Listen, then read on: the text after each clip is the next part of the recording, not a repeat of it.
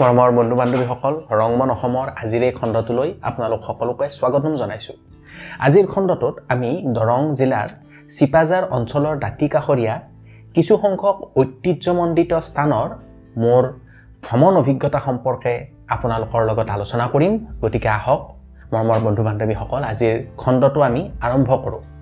সেইদিনা আছিল তেইছ নৱেম্বৰ সোমবাৰ। মই মোৰ পত্নী আমাৰ মা দেউতা অৰ্থাৎ মোৰ পত্নীৰ মা দেউতা আৰু সম্পৰ্কীয় বা এজনীৰ লগত আমি এই ঠাইসমূহ পৰিদৰ্শন কৰাৰ বাবে আগবাঢ়িলোঁ। প্ৰথমতে আমি চিপাজাৰ টাউনৰ পৰা চিপাজাৰ কলেজৰ সন্মুখেৰে যোৱা পকী পথটোৰে আগবাঢ়িলোঁ। কিছুদূৰ যোৱাৰ পিছত পকী পথটো এৰি আমি এটা কেঁচা ৰাস্তাৰে আগবাঢ়ি গ'লোঁ।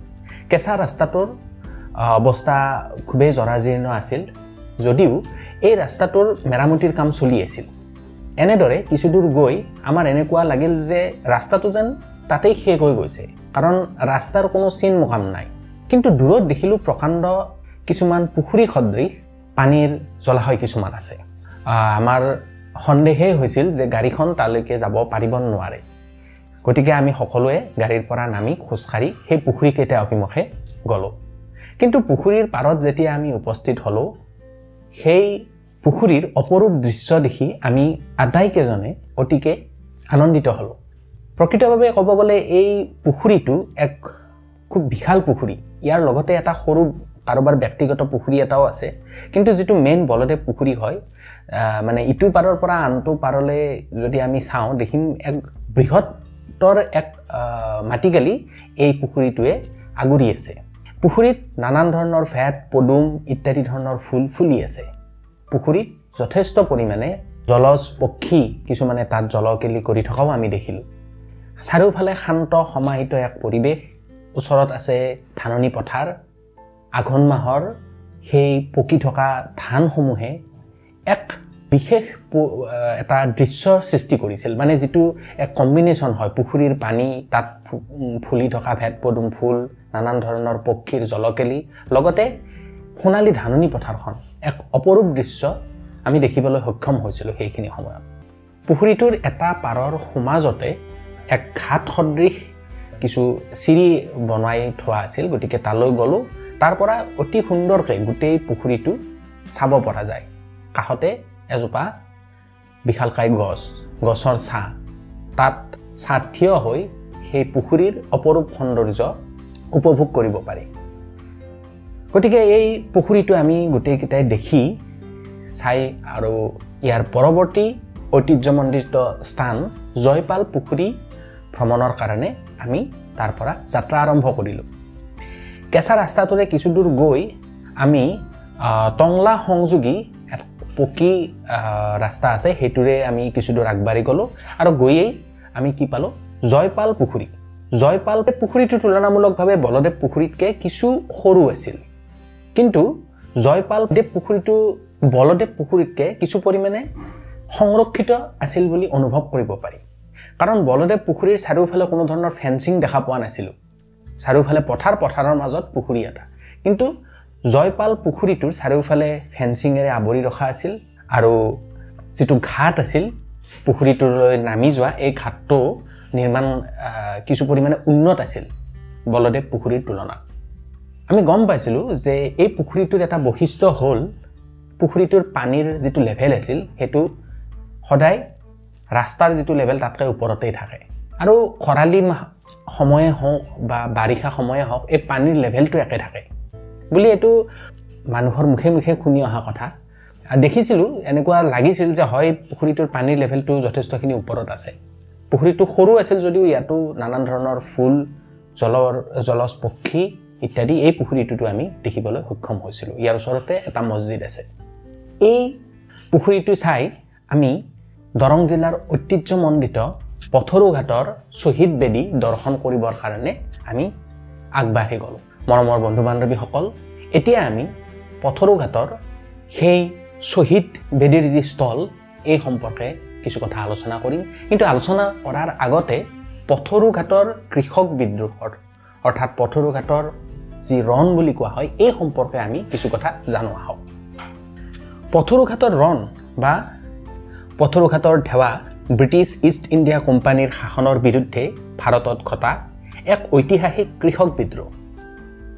ওঠৰশ চৌৰান্নব্বৈ চনৰ আঠাইছ জানুৱাৰী তাৰিখে অসমৰ দৰং জিলাৰ মঙলদৈ চহৰৰ পৰা প্ৰায় ষোল্ল কিলোমিটাৰ পশ্চিমত অৱস্থিত পথৰুঘাট নামে ঠাইত স্থানীয় কৃষকসকলে মাটিৰ খাজানা বৃদ্ধিৰ প্ৰতিবাদ কৰোঁতেই ব্ৰিটিছ পক্ষই প্ৰতিবাদকাৰী কৃষকসকলৰ ওপৰত গুলীচালনা কৰে।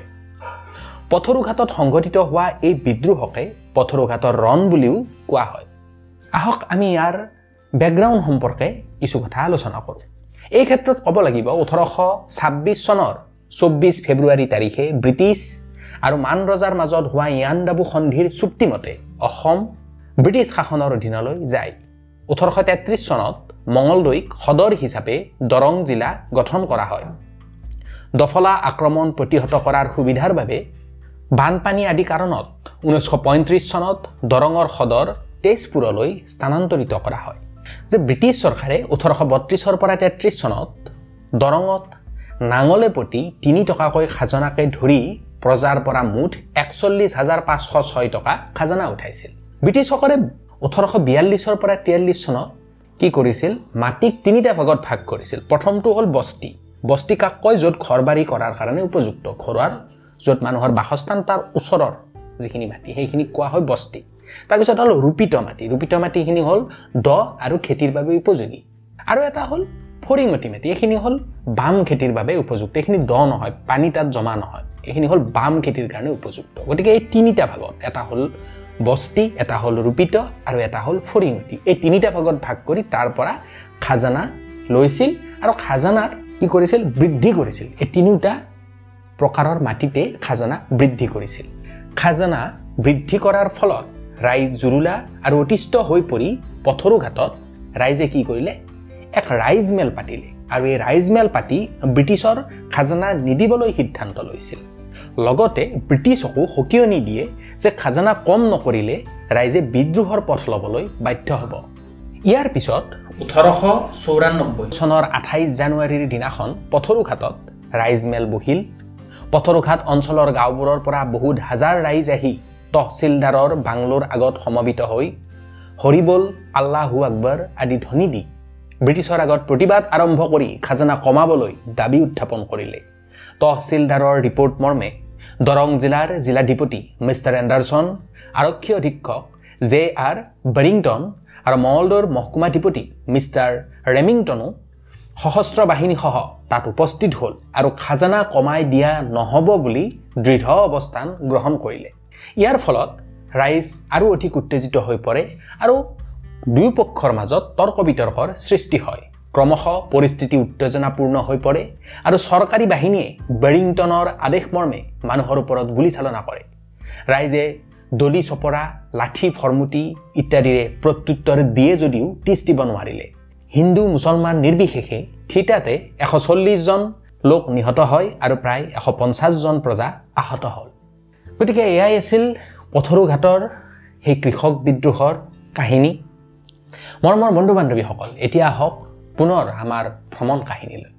জয়পাল পুখুৰী প্ৰদৰ্শন কৰি আমি পথৰুঘাটৰ ৰণৰ সেই শ্বহীদ বেদীত উপস্থিত হ'লোঁ। পথৰুঘাটৰ সেই ঠাইখিনিত ভাৰতীয় সেনাই শ্বহীদসকলৰ বাবে এক শ্বহীদ বেদী নিৰ্মাণ কৰিছিল। ইয়াৰ উপৰিও তাত এটা কৃষক শ্বহীদ ভৱন চৰকাৰে নিৰ্মাণ কৰিছিল। শ্বহীদ বেদীটো চাৰিওফালে ফেঞ্চিঙেৰে আৱৰা আৰু শ্বহীদ বেদীটোত সেই সময়ত নিহত হোৱা শ্বহীদ কৃষকসকলৰ কিছু সংখ্যকৰ সম্পূৰ্ণ নাম তাত নাই কিছু সংখ্যকৰ নাম তাত উল্লেখ কৰা আছে। লগতে চাৰিওফালে বহিবৰ কাৰণে কিছু আসন তাত নিৰ্মাণ কৰা আছে। গৈ ভাল লাগিল তাত এখন ৱাল ৰাইটিঙত পথৰুঘাটৰ ৰণৰ সেই সময়ৰ কথাবিলাক লিপিবদ্ধ হৈ আছে। তাত লিখা আছে ওঠৰশ চৌৰান্নব্বৈ চনৰ আঠাইছ জানুৱাৰীত পথৰুঘাটৰ এই স্থানতে জাতি ধৰ্ম নিৰ্বিশেষে কেইবা হাজাৰো কৃষক ব্ৰিটিছ চৰকাৰৰ বিৰুদ্ধে বিদ্ৰোহ কৰিছিল। ব্ৰিটিছৰ বন্দুকৰ গুলীত প্ৰাণ আহুতি দিয়া সাতকুৰি কৃষকক ইয়াত সমাধিস্থ কৰা হয়। এই জাতীয় শ্বহীদসকলৰ স্মৃতি চিৰ যুগমীয়া হওক। এই লাইনটো শ্বহীদ বেদীখনত লিপিবদ্ধ কৰা আছে। ইয়াৰ উপৰিও শ্বহীদসকলৰ সম্পূৰ্ণ নাম তাত লিপিবদ্ধ কৰা আছে। ঠাইখিনি খুবেই ভাল লাগে। এতিয়া আমি আমাৰ এই যি ভ্ৰমণ কাহিনী এই তিনিটা স্থান পৰিদৰ্শন কৰি মোৰ মনত কিছুমান প্ৰশ্নৰ উদ্বেগ হৈছে। গতিকে এইখিনি কথা আপোনালোকৰ ওচৰত আলোচনা কৰিবলৈ ওলাইছোঁ। প্ৰথমতে আহক পুখুৰী দুটা। প্ৰথমতে আমি দেখিলোঁ বলদেৱ পুখুৰী আৰু জয়পাল পুখুৰী। বলদেৱ পুখুৰীটো কোনো ধৰণৰ সংৰক্ষণ একেবাৰেই নাই তাত। আৰু মই বলদেৱ পুখুৰীৰ ইতিহাস সম্পৰ্কে কোনো ধৰণৰ ফলক লিখা থকা কোনো ফলক মই তাত দেখা নাপালোঁ। সংৰক্ষণ নাই কোনো ধৰণৰ ইনফৰ্মেশ্যনো নাই যে বলদেৱ পুখুৰীটোৰ ইতিহাস সম্পৰ্কে। আমি ইণ্টাৰনেটত চাই হয়তো বস্তুখিনি উলিয়াব পাৰোঁ বা নানান ধৰণৰ কিতাপ পঢ়ি আমি হয়তো বলদেৱ পুখুৰীৰ ইতিহাস সম্পৰ্কে জানিব পাৰোঁ। কিন্তু মই আমি সকলোৱে বিচাৰোঁ যাতে যোনে তাত যায় যাতে এখন ফলক যাতে তাত লিখা থাকে সেই ইতিহাসসমূহ লিখি লিপিবদ্ধ কৰি এখন ফলক যাতে তাত লিখা থকা যাতে তাত লিখা থাকে যাৰ পৰা আমি পঢ়ি কিনে গম পাওঁ সেই পুখুৰীটোত ইতিহাসনো কি? লগতে সংৰক্ষণৰ অতিকে দৰকাৰী। ইমান সুন্দৰ এটা পৰিৱেশ অনাদৃতভাৱে পৰি আছে। তাত এখন ছাইডত এখন ফলক এনেকৈ লিখা আছে যে কিছুমান মানে উদণ্ড যুৱকে তাত মাদক দ্ৰব্য সেৱন কৰিও নানান ধৰণৰ উদ্ভণ্ডালি কৰে। এইবিলাক হৈছে সংৰক্ষণৰ অভাৱ।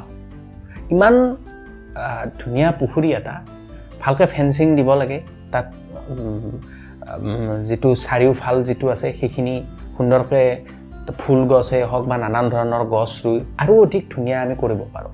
বা পুখুৰীটোত যিখিনি জলজ জীৱ যিখিনি আছে সেইখিনি সংৰক্ষণৰ ব্যৱস্থা কৰিব লাগে। তাত যাতে অবৈধ চিকাৰ এইবিলাক যাতে নহয় ইয়াৰ প্ৰতি নজৰ ৰাখিবৰ কাৰণে প্ৰপাৰ ইনফ্ৰাষ্ট্ৰাকচাৰ ডেভেলপমেণ্ট সেইখিনিত হ'ব লাগে। কাৰণ এইটো খুবেই ধুনীয়া এক পুখুৰী। মই তাত সংৰক্ষণৰ অভাৱ দেখিলোঁ আৰু ইনফৰ্মেশ্যনৰ অভাৱ। পুখুৰীটো কি হয় তাৰ ইতিহাস কি হয় এই আটাইখিনি তাত গম নাপালোঁ। গতিকে এইটো এটা ক'বলগীয়া কথা। পিছত যিটো জয়পাল পুখুৰী যিটো আছে এইটো ঠিক মানে ফেঞ্চিং এইবিলাক দিয়া আছে সেইখিনি ঠিকেই আছে কিন্তু ইয়াতো ইতিহাস সম্পৰ্কে কিছু কথা তাত লিখা থকাটো উচিত বুলি ভাবোঁ। শেষত আহোঁ পথৰু ঘাটৰ শ্বহীদৰ স্মৃতিত যিটো তাত শ্বহীদ বেদী বনাইছে বা সেই ঠাইখিনি। ইয়াতো দেখিলোঁ সংৰক্ষণৰ একেবাৰে অভাৱ। যে অসমত এনেকুৱা এটা কৃষক বিদ্ৰোহ হৈছিল এশ চল্লিছজন কৃষকে ইংৰাজৰ বিৰুদ্ধে যুঁজ দি প্ৰাণ হেৰুৱাইছিল। কিন্তু এনেকুৱা এখন ঠাই যিমান সুন্দৰকৈ ৰাখিব লাগিছিল সিমান সুন্দৰকৈ ৰখা নাই। কোনো ধৰণৰ তাত মেৰামতিৰ ব্যৱস্থা নাই কোনো ধৰণৰ মেইনটেনেঞ্চৰ কোনো ব্যৱস্থা নাই। এনেই মানে ভাৰতীয় সেনাই যিটো শ্বহীদ বেদী বনাইছে সেইখিনিও এতিয়া এনেকৈ যদি সংৰক্ষণ কৰা নাযায় সেইটোৰো অৱস্থা দিনে দিনে বেয়া হৈ যাব। আচলতে আমাৰ অসম চৰকাৰে এইবিলাক প্ৰমোট কৰিব লাগে এই যিবিলাক স্থান আছে এইবিলাক প্ৰমোট কৰিব লাগে। তাত প্ৰপাৰ মেইনটেনেঞ্চৰ ব্যৱস্থা কৰিব লাগে। অতি সুন্দৰকৈ অতি জাক জমককৈ সেইবিলাক সজাই পৰাই পৰ্য পৰ্যটকৰ যিখিনি সম্ভাৱনীয়তা সেইবিলাক আমি তাৰ পৰা যিমানখিনি পাৰি আমি লাভ ল'ব লাগে। কাৰণ বাহিৰা পৰ্যটকবিলাক যাতে সেইবিলাক ঠাই চাবলৈ আহে আমাৰ অসমৰ ইতিহাস সম্পৰ্কে যাতে গম পায়। ইয়াৰ ফলত আমাৰ অসমৰ এই কীৰ্তিচিহ্নবিলাকৰ নাম চাৰিওফালে বিয়পি পৰিব এইটো সঁচা কথা। ইয়াৰ উপৰিও স্থানীয় অঞ্চলৰ ৰাইজ আটাইতকৈ বেছি উপকৃত হ'ব। কাৰণ সেই যেতিয়া বিদেশী পৰ্যটকবিলাকেই হওক বা অন্য ৰাজ্যৰ পৰা বা অসমৰ ভিতৰৰে হওক পৰ্যটকবিলাক যেতিয়া আহিব ভাল পৰিৱেশ এটা যেতিয়া তাত দেখিব তাত কি হ'ব? এক বাণিজ্যিক কেন্দ্ৰ হিচাপে সেই অঞ্চলবিলাক গঢ়ি উঠিব। তাত ব্যৱসায় চলিব সৰু সুৰা দোকান চলিব মানুহে তাত পৰ্যটকবিলাকে আহি বস্তু কিনিব। ইয়াৰ ফলত কি হ'ব? ওচৰ চুবুৰীয়া মানুহখিনিৰ অৰ্থনৈতিকভাৱে স্বাৱলম্বী হ'ব। আমাৰ যিটো বৰ্তমান কৰ্মসংস্থাপনহীনতা যিটো হৈছে গতিকে এইবিলাক ঠাই যদি প্ৰমোট কৰা হয় ভালকৈ প্ৰপাৰ মেইনটেইন যদি কৰা হয় আটক ধুনীয়াকৈ যদি সজাই তোলোৱা হয় টুৰিষ্ট ডেষ্টিনেশ্যন হিচাপে যদি গঢ়ি তোলা হয় তেতিয়াহ'লে এইবিলাকে ওচৰ চুবুৰীয়া অঞ্চলটোৰ ৰাইজৰ অৰ্থনৈতিকভাৱে ৰাইজক চহকী কৰিব আৰু ইয়ে আমাৰ অসমৰ জি ডি পি গ্ৰ'থ কৰাত সহায়ক হ'ব। গতিকে মই আশা ৰাখিছোঁ যাতে চৰকাৰে এইবিলাকৰ ওপৰত ধ্যান ৰাখে চাফ চিকুণকৈ যাতে ৰাখে। তাত দেখিছোঁ পোহনীয়া জন্তুবিলাক যেনি তেনি ঘূৰি ফুৰিছে জেগাখিনি লেতেৰা কৰিছে ভালকৈ খোজাই পাতিব নোৱাৰি। গতিকে এনেকুৱা হ'ব নালাগে। ইমান এক ঐতিহ্যমণ্ডিত এক ঠাই তাক আমি প্ৰকৃত সন্মান দিব লাগে। সেই ঠাইখিনি উপযুক্তভাৱে এক পৰ্যটকস্থল হিচাপে গঢ়ি তুলিব লাগে। ইয়াৰ ফলত সমগ্ৰ অসমৰ লগতে বিশেষভাৱে সেই ঠাইত স্থানীয় লোকসকলো উপকৃত হ'ব। ইয়াৰ পিছত আমি আহ, মঙলদৈ চিপাজাৰ যিটো মেইন নেশ্যনেল হাইৱে যিটো গৈছে তাৰ ওচৰতে এখন খাৰখোৱা নামৰ ৰেষ্টুৰেণ্ট আছে। ৰেষ্টুৰেণ্ট ঠিক নহয় ইয়াত হোটেলৰো সুবিধা আছে মানুহ থাকিবও পাৰে। আৰু পাৰ্ক বাহিৰ ছাইডটো ধুনীয়াকৈ পাৰ্কৰ দৰেকৈ সজাইছে। চ' ইয়াত গৈও ভাল লাগিল। আমি তাত গৈছিলোঁ। সেই খাৰখোৱা সেই ৰেষ্টুৰেণ্টখনৰ ইনফ্ৰাষ্ট্ৰাকচাৰৰ কাম অতিকৈ উন্নত উন্নত মানৰ। আহ, চাৰিওফাল সুন্দৰভাৱে মেইনটেইন কৰি কিনে পাৰ্ক সদৃশ এক ৰূপ দিয়াৰ চেষ্টা কৰা হৈছে বাহিৰৰ ফালটো বা ইণ্টেৰিয়ৰখিনিও খুবেই ভাল। খোৱা খাদ্য আমি তাত যি আমি খাদ্য খাইছিলোঁ তাৰো গুণাগুণ উন্নত মানৰ প্ৰাইচটো ৰিজনেবলে হয়। কিন্তু তাত এটা বস্তু মই লক্ষ্য কৰিলোঁ যে যিখন মেনু আছে তাত খাৰ খোৱা। গতিকে এক অসম অসমৰ কিছুমান স্পেচিয়েল যিটো ডিছ হয় সেই ডিছবিলাকৰ হয়তো আছে তাত কাৰণ তাত ভেজ থালি বুলি লিখা আছে হয়তো তাত থাকিব পাৰে কিন্তু ডিছপ্লে প্ৰপাৰলি হোৱা নাই। আমি যদি মেনুখন চাওঁ তেতিয়াহ'লে তাত প্ৰপাৰলি ডিছপ্লে হোৱা নাই। অসমীয়া কিছুমান বিশেষ যিবিলাক ডিছ আছে সেইবিলাকৰ নাম প্ৰপাৰলি তাত আমি চাব নোৱাৰোঁ। হয়তো থাকিব পাৰে হয়তো লিখা নাই মেনুখনত আমাৰ সময়ৰ নাটনিৰ বাবে সুধিব নোৱাৰিলোঁ যে কি কি তাত পোৱা যায়। কিন্তু মেনুখন দেখি কিনে এখন টিপিকেল গুৱাহাটীয়ে হওক বা অন্যান্য চহৰত যিখন মেনু পোৱা যায় টিপিকেল সেই মেনুখনেই তাত আছে। কোনো ধৰণৰ অসমৰ স্পেচিয়েল একোটা একোখন ডিছ তাত যে থাকিব এনেকৈ মেনুখনত লিখা দেখা নাপালোঁ। হয়তো থাকিব পাৰে কিন্তু মেনুখনত লিখা নাছিল। বাকী খাদ্যৰ কোৱালিটি গুণ ঠিকে আছে টেষ্টটো ভালেই লাগিছে। আৰু এনেদৰে আমি সেই দিনটোৱে আমি সকলোৱে মিলি উপভোগ কৰিলোঁ। গতিকে মৰমৰ বন্ধু বান্ধৱীসকল আজিৰ খণ্ডটো আমি ইয়াতে সামৰণি মাৰিলোঁ।